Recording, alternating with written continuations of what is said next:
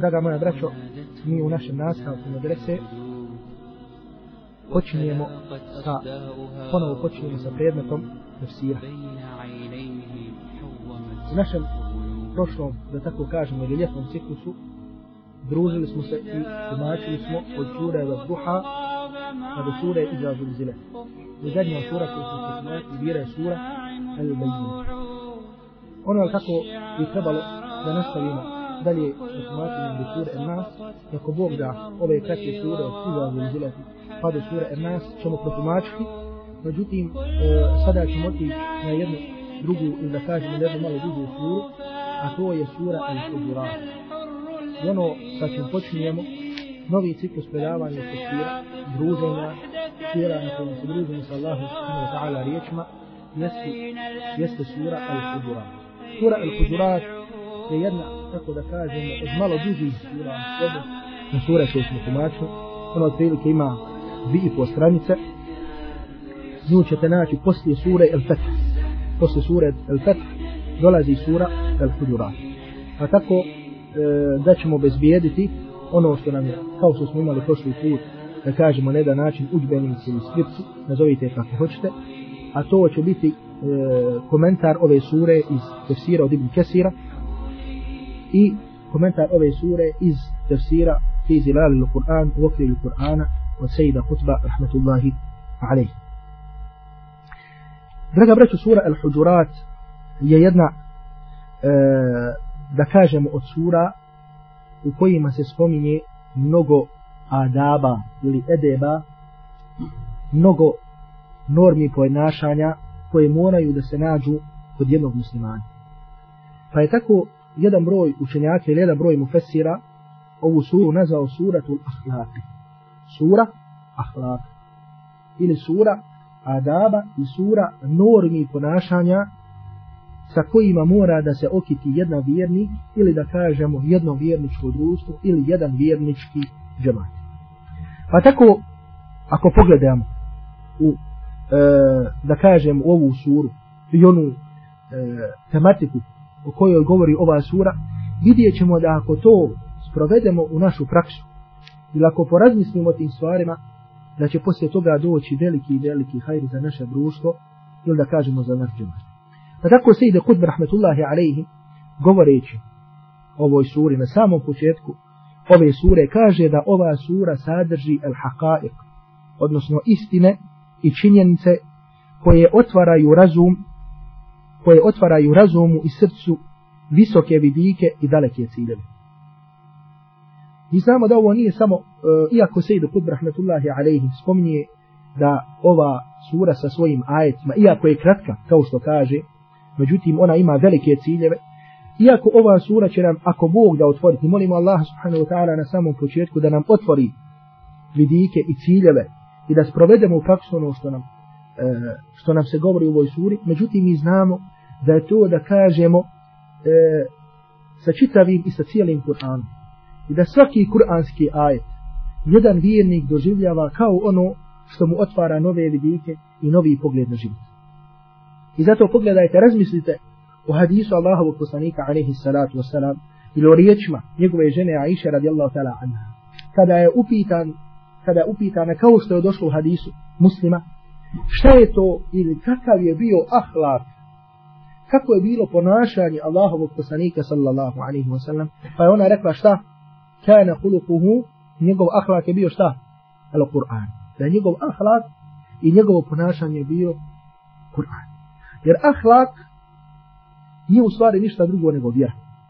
I zato kada Allah subhanahu wa ta'ala kaže svom poslaniku innaka la ala huluqin azim ti si na velikom ahlaku ti si na velikom stepenu, stepenu morala kaže Abdullah ibn Abbas i drugi mufassiri kaže innaka la ala dinin azim ti si zaista na velikoj vjeri to jeste sami ahlak nije u stvari ništa drugo nego samo osim sama ova vjera koja nam je došla u Kur'anu i sunnetu Allahovog poslanika alaihi salatu wasalam. I zato ako razumijemo hadisa Iša radijallahu ta'ala anha u, kojoj u kojem kaže šta da je norma ili je ponašanje Allah, u svakoj sekundi poslanikovog sallallahu alaihi wasallam života bilo šta bio Kur'an to će nas učiniti da razmišljamo i da svaki ajet kojim priđemo pokušamo da ga tako shvatimo. To jeste da ga uzmemo kao vodiča u našem životu. I radi toga dolazi ono što često se ponavlja, što često ponavljamo i što često učenjaci kažu, a to je tadabbur fi ma'ani al-Qur'an, odnosno razmišljanje u kuranskim ajetima. Da razmišljamo, radi čega da razmišljamo kako bi to, draga braćo, sproveli u praksu. Tako, na primjer, ono o čemu se govori u ovoj suri, na prvom mjestu, e, na početku ove sure govori nam se o odnosu, kakav, e, odnosu prema Allahu subhanahu wa ta'ala i njegovom poslaniku sallallahu alaihi wa sallam. Kako jedan vjernik, ili hajde kažemo jedan mladić musliman, jedna djevojka musliman, koje žele da žive u okrilju Kur'ana i okrilju Allahove djelašanuhu vjere, kako treba da imaju odnos prema Allahu subhanahu wa ta'ala i njegovom poslaniku sallallahu alaihi wa sallam. A te o tim ajitima ćemo govoriti upravo večeras. Zatim poslije toga se govori o tome e, kakvom treba, kakav čovjek treba da ima odnos prema društvu. A to je kada nam Allah subhanahu wa ta'ala kaže Ja ijuhel ladina amanu in ja'akum fasikun bi nabin fatabayyanu. O vjernici, ako vam dođe kakav griješnik sa, sa kakvom vješću, fatabayyanu, provjerite. Ili u drugom kraju fatahabbatu. Da se dobro provjeri ta vijest. Zbog čega kažemo odnos prema društvu? Zato, draga moja braćo, što je uzrok velikih dalaja i fitneluka među muslimanima, zato što prihvataju vijesti koje nisu provjerene. I tako čovjek da kažemo ne samo da se ogriješi prema sebi ili prema svom bratu muslimanu E, u kojeg je povjerovo, da tako kažemo, da učinio nešto e, zato što mu je neko došlo sa vješ, nego u velikom broju slučajeva dolazi da na veliku žalost dolazi do poljevanja same krvi. Radi čega? Zato što je određena riječ, da kažemo samo jedna riječ, ili dvije riječi, došla do toga i do toga, ono u stvari nije tako. Dešavaju se, kad ne, kažemo, dešava se nagre, dešava se poljevanje krvi. Dešava se i ono što je, da kažemo, ispod toga, ali u svakom slučaju ono što je loše. Radi čega? Radi toga što se određene vijesti nisu provjerili.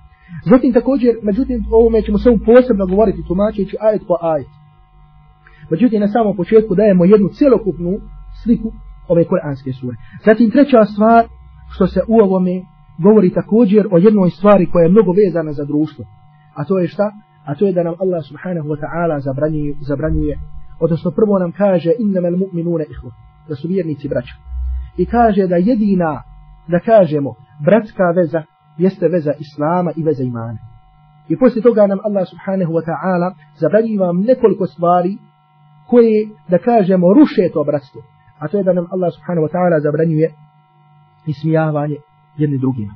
Allah subhanahu wa ta'ala nam u ovoj kuranskoj suri zabranjuje da se smijavamo jedni drugima radi neke da kažemo osobine ili radi nečega što se nalazi kod nas. Druga stvar Allah subhanahu wa ta'ala nam zabranjuje u ovoj suri gibet. I dolazi sa jednim tako slikovitim primjerom ili da kažemo prikazom odvratnosti ovoga grijeha kada nam Allah subhanahu wa ta'ala kaže zar bi iko od vas volio da jede mrtvo meso svoga brata. Kako je ovdje poređenje? Šta je ovdje namjer ovog poređenja? To jeste, kao što bi ti bilo odvratno, ili kao što je odvratno i fuj, da jedeš šta? Da ideš svog mrtvog brata, tvoj brat sa kojim si bio na, du, na dunjaluku brata, i, e, e, bio sa njim brat, imao si dobre odnose.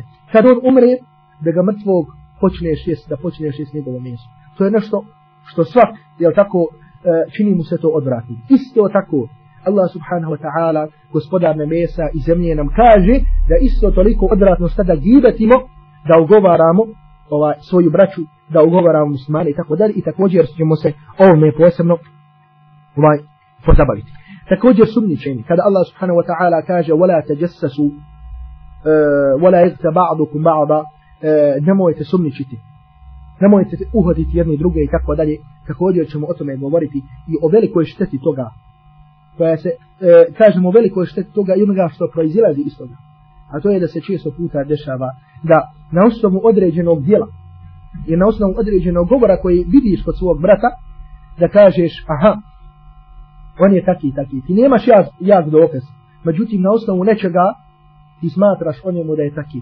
Ako e, čuješ, na primjer, da kaže nešto, da spomene dunjalu kad ti kaže vidiš kako voli dunjalu, oni dunjalčari i tako dalje. Međutim, dok se s druge strane, ono što se traži od nas, da sve što dođe od našeg brata muslimana, da pokušamo da mu damo jedno tumačenje, iako ono znači jahtamil ili ima mogućnosti, da i tako kao što čovjek e, kao što čovjek u šeitan to prikaže, međutim ima mogućnosti da to drugo tumačenje bude, na primjer, da vodi ka hajru. I mi ćemo prihvatiti ono tumačenje koje nam kaže da to vodi ka hajru.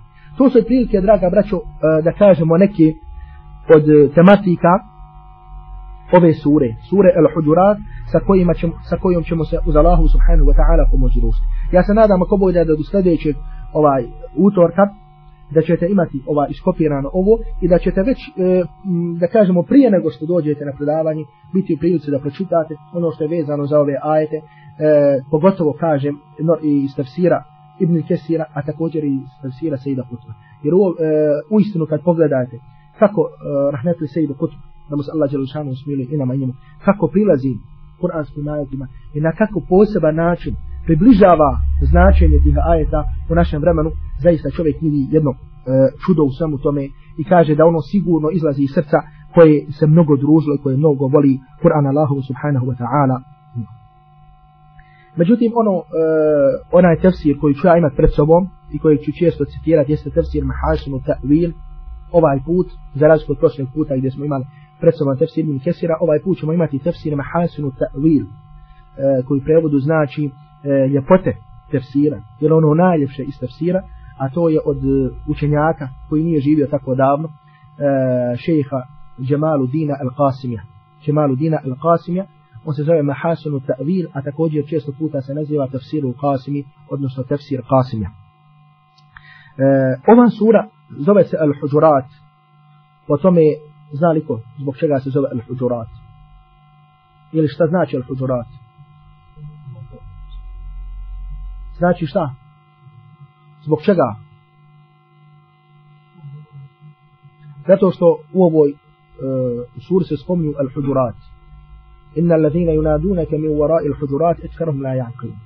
Oni koji te zovu iza soba uh, hudurat, to je množina od riječi hudr. To su znači sobe. Sobe žena Allahovog poslanika sallallahu alaihi wa sallam koje su bile otprilike znači gdje se danas nalazi poslaniku sallallahu alaihi wa sallam masjid.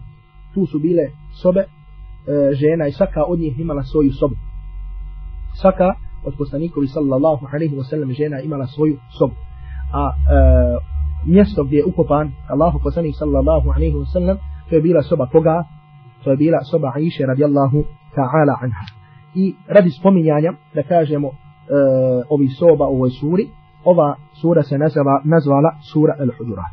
Na samom početku šeheh Jamaluddin Al-Qasmi, rahmatullahi alaihi, kaže وقد انفردت هذه السورة بآداب جليلة أدب الله بها عباده المؤمنين فيما يعاملون به نبيه صلى الله عليه وسلم من التوقير والتبجيل لسامة قشيت كنا شيخ القاسم رحمة الله عليه لا يدوزنانا لسوى وي سوري سبومني دوستا أدابا لنور ما قناشا نبكاجي da je ova sura jedinstvena po e, adabima i po normama ponašanja koje se spominju u ovoj suri. Mislim da smo mi jednom e, prilikom jednog predavanja spomenuli da u nekim islamskim sredinama biva među prvim surama koja mala djeca uče e, sura Al-Hujurat. Sura Al-Hujurat radi čega kako bi se naučili ovim edebima koji se spominju u ovoj suri.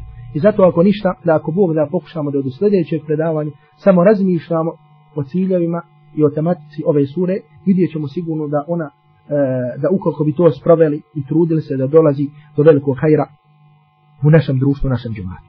Prvi ajet ove sure,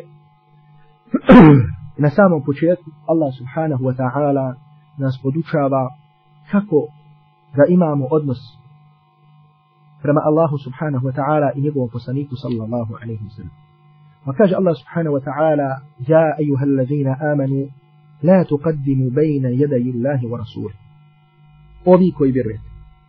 Ova sura počinje kao još neke druge sure sa ja ejuhel ladhina amanu. Gdje Allah subhanahu wa ta'ala poziva vjernike, poziva one koji su već povjerovali. I ovo je jedna kao što smo također rekli od odlika kojeg perioda medinskog perioda. Ovo je jedna od odlika medinskog perioda kada Allah subhanahu wa ta'ala kaže ja ejuhel ladina amin, ovi koji vjeruju. Za razliku od poziva u kojem Allah subhanahu wa ta'ala kaže ja ejuhel nas, o vi, o ljudi, to je odlika čega? Mekanskog perioda. Tako da ovdje na samom početku dolazimo također do zaključka da je ova sura šta? Da je ova sura medinska. I ova je sura, kaže se suratun medanijetun, medinska sura, to jeste objavljena je u medinskom periodu. Dobro. Kaže Allah subhanahu wa ta'ala, ovi koji vjerujete, la tuqaddimu bejna jedaji Allahi wa rasuli.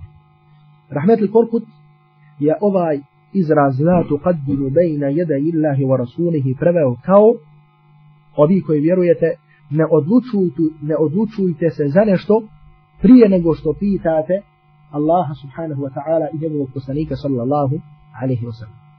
Ovaj prevod je da kažemo u jednu ruku i u isto vrijeme i komentar. U isto vrijeme i komentar i što je bez imalo sumnje ispravan komentar. Međutim, ako bi bukvalno preveli ovaj glagol koji se ovdje spominje, a to je tu kaddimu, onda bi mogli da kažemo da je to e, prinošenje nečega ili pristupanje nečemu. La tu kaddimu, nem ovi, ovi koji vjerujete, nemojte prinositi ili nemojte prilaziti ili nemojte ići ispred Allaha subhanahu wa ta'ala i njegovog poslanika sallallahu alaihi wa sallam. A Arapi su ovaj izraz la tuqaddimu bejna jadej fulan e, koristili u smislu da kažu nemoj žuriti sa naredbom i zabranom prije nego što se kaže postupi tako i tako. Znači Arapi su ovaj izraz koji bi bukvalno bio nemojte ići ispred Allaha i njegovog poslanika alaihi salatu wasalam tumačili kao šta e, bejna, kaddeme bejna jedej, kao u smislu nemojte činiti nešto, nemojte odlučivati nešto, prije nego što vam se ne kaže kako da postupite. Pa su tako mu feseri, među kojima je Ibn Đarir at-Tabari, protumačili ovaj ajet kao nemojte žuriti i nemojte po svom nahođenju postupati prije nego što vidite šta kaže Allah subhanahu wa ta'ala i njegov poslanik sallallahu alaihi wa sallam. Pa tako Ibn Đarir at-Tabari tumačeć ovaj ajet kaže a mi smo spominjali Ibn Đarira, a Tabarija, pisa poznatog tefsira, e, jedan e, Ibn Đarir a Tabari od, je od onih koji e, je poznat kao šehul mufassirin, šeh svi mufassira. I zato vidjet ćemo da nema tefsira od Ibn Kasira pa dalje, a da se ne oslanjaju u svom komentaru, u svom tefsiru na mišljenje Ibn Đarira a Tabari. Kaže, Ja ejuha allazina aqarru bi wahdanijati Allah ونبوة نبيه صلى الله عليه وسلم وفي koji ste potvrdili Allahu Đalešanuhu jednoću i povjerovali ste u poslanstvo njegovog poslanika sallallahu alaihi wa sallam la ta'đalu bi qadai amrin fi hurubikum au dinikum qabla an yaqdi Allahu lakum fihi wa rasuluhum kaže ovi koji ste kao što smo rekli šta potvrdili Allahu Đalešanuhu jednoću i povjerovali u njegovog poslanika sallallahu alaihi wa sallam, nemojte žuriti sa donošenjem neke odredbe kada su pitanju vaši ratovi fi horubiti, vaša ratovanje. Au fi dinikum, ili kada je u pitanju vaša vjera, prije nego što vam Allah subhanahu wa ta'ala i njegov poslanik sallallahu alaihi wa sallam ne donesu propis. فتقضوا بخلاف أمر الله وأمر رسوله صلى الله عليه وسلم. فذا تكو نفسو فاتا نفسو فيتا سبرة بروفيسو الله سبحانه وتعالى إن يقضوا بسانيك صلى الله عليه وسلم. Draga braćo, iako ovaj glagol tu kaddimu, kaddama, u arabskom jeziku je glagol koji se naziva fi'al muta'addi, glagol koji ima prelaznu formu. Znači, na primjer, e, kada su našem jeziku kaže sjedi, znači ta radnja ne prelazi sjesti, ne prelazi na nekog drugog, nego sjeo sam, ne prelazi na neku drugu osobu. Međutim, kada kažem udario sam, mora da pređe na neku drugu, je tako, osobu. Ovaj, što znači da ovaj glagol koji prelazi treba da ima objekat, da to ul bihi, u arabskom jeziku se naziva. Ovaj glagol, iako mu treba mefaul bihi objekat, on ovdje nije spomenut. Pa kažu mu fesir radi čega? Radi općenitosti. To jeste da se kaže da ni jednu stvar ne smijete učiniti prije nego što Allah subhanahu wa ta'ala i njegov poslanik sallallahu alaihi wa sallam ne odluči. Nije rečeno nemojte činiti kada je u pitanju rat u vašim ratovima. ja to ovdje Đerir spomenuo to kao primjer, u vašim ratovima, prije nego što Allah subhanahu wa ta'ala i njegov poslanik odrede. Niti u vašem dunjaluku, ne, ovdje nije spomenuto, ali smo Fesir spomenuli kao primjer, što znači da u sve, e, da to obuhvata sve sfere čovjekovog života. Da ni jednoj stvari života, bilo onoga što mi nazivamo vjerskoj, znači kada u pitanju namaz, kako ćeš postupiti u namazu, ili kada je u pitanju zakat, ili kada je u pitanju, e, da kažemo nešto drugo, kada je u pitanju odnos, da kažemo, e, porodičnog prava, kada je u pitanju način trgovine, kada je u pitanju način ratovanja, kada u pitanju način ovoga, izvršenje kazni, bilo koja sfera čovjekovog života, ne smiješ da postupiš prije nego što upitaš kakav je propis, šta zato kaže Allahova subhanahu wa ta'ala knjiga, ili sunnet njegovog poslanika sallallahu alaihi wasallam. Prije nego što znaš propis šta za tu stvar kaže Allahova knjiga ili sunnet njegovog poslanika sallallahu alaihi wasallam. Ili kažemo treća stvar ili šta kažu islamski učenjaci. Zbog čega ovdje kažemo islamski učenjaci? Mi njih ne stavljamo kako da kažemo na stepen nepogrešivosti Allaha subhanahu wa ta'ala i njegovog poslanika alaihi salatu wasallam. Ali islamski učenjaci u svojim fetvama i u svojim odgovorima na pitanja koja nisu spomenuta u Kur'anu i sunnetu, temelje se na temelje, na temeljima Kur'ana i sunneta. Temelje te svoje odgovore na temelju Kur'ana i sunneta. I zato kažemo, kao što smo spominjali, ako se sjećate, spominjali smo nekoliko puta na našim predavanjima, govor Hafiza ibn Hajara, rahmetullahi alaihi, koji su ovom dijelu Fethul Bari, tumačeći ajet innamal a'malu bin nijat, da se dijela cijene prema namjerama, namjerama kaže da je u ovom hadisu uh, tumačeći hadis Allahovog poslanika alaihi salatu wasalam u kojem kaže da se dijela cijene prema namjerama kaže da je u ovom hadisu dokaz da čovjek ne smije prići ni jednom dijelu dok zato prethodno ne zna propis. Ne smiješ prići da učiniš neko djelo dok ne znaš šta je propis tu kako bi e, zanijetio onda Jer ne možeš da kažemo imati nijet da činiš nešto što je haram. Imati nijet da se tome približavaš Allahu subhanahu wa ta'ala. Nego moraš znati to jeste, ako znaš da je halal u smislu da je vađib, ili da je sunnet, ili da je mubah, onda možeš prići tom djelu da kažemo da namjer, da sad ti imaš namjeru, da imaš nijet, da se približiš Allahu subhanahu wa ta'ala. Međutim, kad je u pitanju stvar koja je haram ili koja mekruh, ne možeš činiti, da kažemo, ne možeš imati nijet sa kojim želiš da se približiš Allahu subhanahu wa ta'ala. I zato, draga braću, od stvari na koje mora da se uh, odgoji naša omladina, naše islamsko buđenje, naša sahva, jeste na ovome. I ovo je jedna od glavnih e, glavni temelja islamskog buđenja, ukoliko želimo jednu svijetu budućnost. Mi smo u našem predavanju u subotu govorili o tim nekim smjernicama. A ovo je jedna od najosnovnijih stvari. Jer kao što smo rekli, islamsko buđenje ovdje kod nas i u drugim dijelovima svijeta ne zavisi od toga koliko će imati neprijatelja. Hoće li se pojaviti ovaj intelektualac ili ovaj doktor koji će govoriti protiv omladine koja se, tako da kažemo, ustala i želi da nauči svoju vjeru i želi da je praktikuje i želi da je drugima prenese. Ne zavisi od takvih pojedinaca pa makar nije bilo stotini, makar nije bilo hiljadu, Nego zavisi od nas i kakav ćemo mi imati pristup Allahu i subhanahu wa ta'ala vjere. I da li ćemo da kažemo nazadovati radi naših grešaka, a ne radi mnoštva naših neprijatelja. I ovoj stvari Allah subhanahu wa ta'ala podučava vjernike kada kaže Ja ejuhal ladhina amanu alejkum anfusakum la yadurrukum man dalla idha htadajtu. Ovi koji vjerujete, čuvajte sami sebe vodite računa sami o sebi. Neće vam naškoditi onaj koji je zaluto ako ste vi na ispravnom putu. I zato islamsko buđenje, prije svega kažemo, musliman kao pojedinac, ako može samo malo pijenu tu halku sastati, musliman kao pojedinac može, da kažemo, kasniti u svojoj vjeri. Može nazadovati samo radi svojih grijeha, samo radi svog neznanja. Jedan džemat, jedno islamsko društvo može samo nazadovati radi čega, radi svojih grijeha, radi svog neznanja i tako dalje, ne radi drugog. Jer znanje te uči kako da postupiš kada se neko suprostavlja. kako da ti tada imaš odnos prema Allahu subhanahu wa ta'ala, kako da imaš odnos prema drugim ljudima, kako da se suprostaviš sa onim e, sa kim se ne slažeš i tako dalje. Samo tome nas uči Allahu subhanahu wa ta'ala knjiga. I zato, draga braćo, traženje znanja je jedna od osnovnih stvari koja mora da se nađe kako bi se ostvarilo ovo o čemu nam Kur'an govori. Poslušajte ovaj poziv, kao da je upućen svakome od nas. Ovi koji vjerujete, ne prilazite ni jednoj stvari da učinite, učinite prije nego što upitate Allah i njegovog poslanika sallallahu alaihi wa sallam. Prije, prije nego što pogledate u Kur'an i sunnet Allahovog poslanika sallallahu alaihi wa sallam. A to se danas u našem vremenu ostvara preko, da kažem, može se ostvariti prije nekoliko stvari. Prije svega da čovjek provodi svoje vrijeme čitajući literaturu.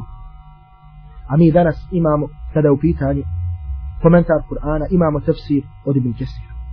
I trebamo svoje vrijeme da provodimo čitajući ovaj, ovu knjigu. Iz sunnata Allahovog poslanika sallallahu alaihi wa sallam imamo hvala Allahu jalla šanuhu prevedene knjige u kojima se spominju E, vjerodostojni hadis, vjerodostojni hadis Allahu poslanika alejhi salatu vesselam. Imamo Rijadu salihin. Što trebamo svaki dan da ponekoliko hadisa koje čitamo iz ove knjige. Imamo preved, prevedenu skraćenu verziju muslima. Imamo prevedenu također skraćenu verziju Buharije. Još druge knjige, još druge zbirke hadisa se prevode. Imamo i sire i života Allahovog poslanika sallallahu alaihi wa sallam e, zapečećeni džennetski napitak imamo iz života knjigu iz života ashaba. Imamo knjigu iz života tabina. Ovo su sve literature koje moramo da čitamo i da provodimo i trošimo svoje vrijeme i svoj imetak čitajući da kažemo ova djela iz ako ćemo iz fikha imamo put pravog muslimana od šehe Bakra al Džezairija. e, kada u pitanju odgoj duše imamo bistro more pobožnost tako dalje. Ovo je literatura na kojoj treba da se odgaja ova naša generacija generacija omladine koja želi da živi u okrilju Allahove subhanahu wa ta'ala. I zato to je jedna stvar. Druga stvar da svak od e, omladine mora prisustovati i redovan biti na oni koji drže ta predavanja i u mjestima u mjestu u kojem se nalazi. Nalazio se u Mostaru nalazio se u Sarajevu nalazio se u Tuzli. Gdje god da se nađe mora da bude redovan i da ima predavanje na koja redovno ide ide. Ne mislim na to na tribine da kažem na koje čovjek ponekad ode na opšta predavanja na koje ponekad ode. Nego da prisutujemo halkama predavanjima kursevima. A hvala Allahu dželle danas imamo to skoro u svakom u svakom dijelu naše ovaj e, naše države. Ili da kažemo i van toga kako bi naučio Allahu subhanahu wa ta'ala vjer. Znači to je jedna od osnovnih stvari onoga koji želi da ima jednu svijetlu budućnost u okrilju Allahove subhanahu wa ta'ala vjer. Zatim također u komentaru ovog ajeta šeh Al-Qasimi je spomenuo riječ Ibn Kesira koji tumačeći ovaj ajet kaže La tusri'u fil ašja qablahu bel kunu taba'an lahu fi jamil umur حتى يدخل في هموم هذا الأدب حديث معاذ رضي الله تعالى عنه قال له النبي صلى الله عليه وسلم حين بعثه إلى اليمن بما تحكم؟ كاش ابن كسر نمو يتزورتي نمو يتزورتي آه، أسنار ما بريا نيغا. بريا الله سبحانه وتعالى نيغا وقصانيكا صلى الله عليه وسلم نيغا كاش بودتا ودني كويسة إل آه، فوجني زنيما Znači za Allahovom knjigom i sunnetom Allahovog poslanika sallallahu alaihi wa sallam pri jamija. I zato kad vidite Allahu poslanik sallallahu alaihi wa sallam nije ostavio ni najmanju stvar a da nas tome nije podučio kaže Ibn Kesir dalje čak da u ovo u ovaj edab ili ovaj edab i ova norma ponašanja se očituje i kroz hadis Muaza ibn Jabala radijallahu ta'ala anhu kada ga je Allahu poslanik sallallahu alaihi wa sallam poslao u Jemen. A to je poznati hadis koji zabilio imam Ahmed u svom musnadu, Jebu Davud u svom sunaru i Tirmizi ibn Mađe da je Allahu poslanik sallallahu alaihi wa sallam poslao Muaza ibn Jabala kao daju u Jemen. I da mu je rekao bime tahkum, kako ćeš ljudima suditi kada dođeš tamo. Je rekao Muaz ibn Jabal bi kitabillah. Sudit ću im prema Allahovoj knjizi. To jest ako mi dođe neko pitanje, pogledat ću Kur'an i šta se spominje u Allahu subhanahu wa ta'ala nizi. Ako mi dođe, na primjer, kažemo, na primjer, čovjek koji je prekršio zakljetu, Allah subhanahu wa ta'ala kaže da onaj koji prekrši zakljetu, da treba da postupi tako i tako kao što je spomenuto u suri Al-Ma'ide. Kaže, fa illam teđid, kaže, ako ne nađeš u Allahovoj subhanahu wa ta'ala knjizi kako ćeš onda kaže fa bi sunnati rasulihi sallallahu alaihi wa sallam kaže onda ću postupiti po sunnatu njegovog poslanika sallallahu alaihi wa sallam kaže fa in lam tajid pa ako ni tu ne nađeš kako ćeš onda učiniti? Kaže ajtahidu ra'i onda ću se kaže poslušiti svojim mišljenjem. Onda ću uložiti napor znači ili analogno nekim propisima i tako dalje da dođem do propisa. Da dođem do tog propisa. Pa je onda Allah poslanik sallallahu alaihi wa sallam uh, rekao alhamdulillahi alladhi waffaqa rasula rasulillahi sallallahu alaihi wa sallam lima yurdi rasul Allah. Kaže hvala Allahu jalla šanuhu koji je dao da poslanik njegovog poslanika zadovolji ovaj e, zadovolji Allahovog poslanika to jeste da njega poslanika sallallahu alejhi ve sellem zadovolji svojim odgovorom. Zbog čega ibn Kesir ovaj hadis ovdje spomenuo? To jeste spomenuo ga je u kontekstu komentara ovog ajeta zato što je Muaz ibn Jabal radijallahu ta'ala anhu spomenuo svoje mišljenje i ulaganje napora koristeći svoje mišljenje svoje lično mišljenje tek nakon što je spomenuo da će prvo postupiti po Allahovoj knjizi i po sunnetu poslanika sallallahu alaihi wa sallam. I zato ovaj hadis jedan uh, od hadisa koji se mnogo spominju kada se govori da se prvo postupa po Kur'anu, zatim po sunnetu poslanika alaihi salatu wa sallam, zatim da dolaze drugi dokazi šariatski koji ima više, znači oni od najpoznatijih šariatskih dokaza su koji? Kur'an, sunnet, iđma i kijas. Poslije toga dolaze drugi koji su na primjer istishab ili istihsan ili maslahatul mursala i tako dalje. Međutim vidimo na prvo mjesto dolazi Kur'an i sunnet Allahovog poslanika sallallahu alaihi wasallam. To jeste ne može da se da prednost analogiji niti svojom mišljenju da se da prednost nad ajetom ili sunnetom Allahovog poslanika sallallahu alaihi wasallam. I zato ovaj uh, hadis se mnogo spominje u dijelima usuli fikha, mada je istin da je ovaj hadis daif. Da je ovaj hadis daif, da je slab, kao što je spomenuo veliki broj učenjaka, među njima naš uvaženi ših Abdul Qadir, rahmetullahi alaihi. Međutim, u svakom slučaju hadis ima ispravno, ili da kažemo vjerodostojno značenje.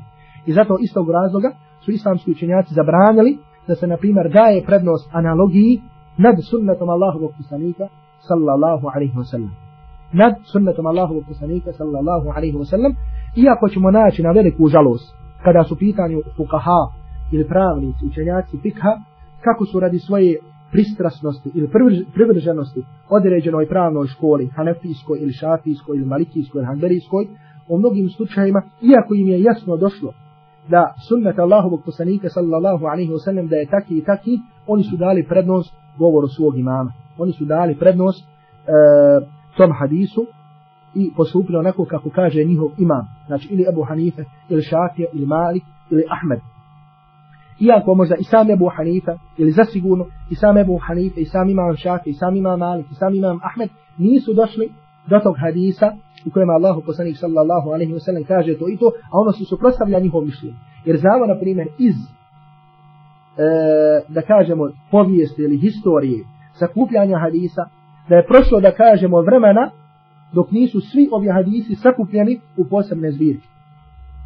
I, e, među prvima koji su počeli da sakupljaju hadis, da se sakuplja hadis, bio je uh, za vrijeme Omar ibn Abdulaziza. A on je vladao od 99. do 101. hijđarske godine. I zato kaže imam Sujuti u svojel fi, awwalu džami il hadithi wal asab, ibn Shihab aminu lehu Umar.